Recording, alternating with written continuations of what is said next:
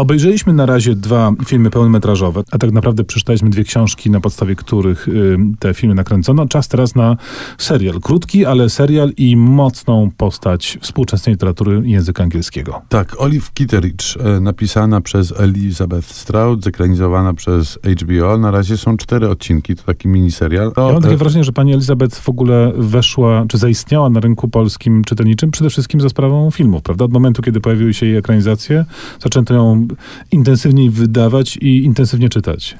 A to też jest taka książka, która e, bardzo odpowiada nastrojom jesiennym właśnie. Wyciszona, spokojna. Tam jest kilkanaście rozdziałów, każdy opowiedziany z innej perspektywy, z perspektywy innego bohatera. Natomiast rzeczywiście wszystko kręci się wokół tytułowej Olive Kitteridge, która jest taką no dość e, stanowczą, umiarkowanie ciepłą, wydawałoby się, nauczycielką matematyki, którą łączą dość dziwne relacje z jej e, synem, ale mimo swojego belferstwa i właśnie pozornej oschłości jest osobą ciekawą i sympatyczną. E, Film jest zupełnie, e, film, serial jest zupełnie e, inny. Siłą rzeczy ta, ten pomysł strukturalny i ten pomysł na różne perspektywy tu jest zagubiony. Ja mam takie poczucie niedosytu, że rzeczywiście te cztery odcinki nie oddają sprawiedliwości literackiemu pierwowzorowi. A, tak zawsze jest, tak zazwyczaj jest i tak też jest w przypadku kolejnej książki na naszej liście. Bardzo znany film i w sumie też bardzo znana książka niejakiego Davida Michela pod tytułem Atlas Chmur.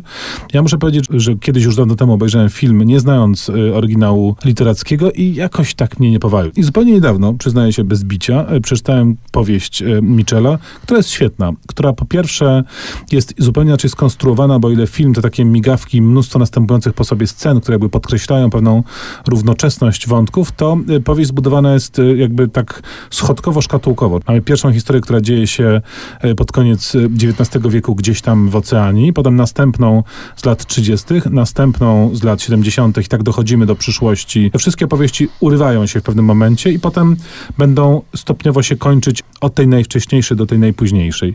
To są świetne historie samo w sobie, napisane bardzo różnym stylem, z bardzo różnymi postaciami, te postaci łączą się, pewne elementy się przewijają, tylko że tu właśnie znowu literatura wygrywa z filmem, bo film jakby wszystko dopowiada. To, że pojawiają się tam te, ci sami aktorzy w różnych okresach czasowych, jakby y, ten, to przesłanie czyni oczywistszym, jednak trochę bardziej płaskim niż powieść. No to wymierzmy już ostateczny cios w jarmarczną sztukę kinową za pomocą książki i adaptacji. E, książka nazywa się 451 stopni Fahrenheita. Napisał ją Ray Bradbury oczywiście i została zekranizowana przynajmniej dwukrotnie. Znamy dwie ekranizacje dość powszechnie i one może nie są fiaskami totalnymi, ale rzeczywiście są znacząco słabsze od mm, pierwowzoru. E, pierwsza to gigant francuskiego kina, więc François Truffaut i jego Fahrenheit 451 i w tym roku został nakręcony i pokazany serial telewizyjny zrobiony znów dla HBO na podstawie tej książki, no który rozczarowywuje. Szczególnie,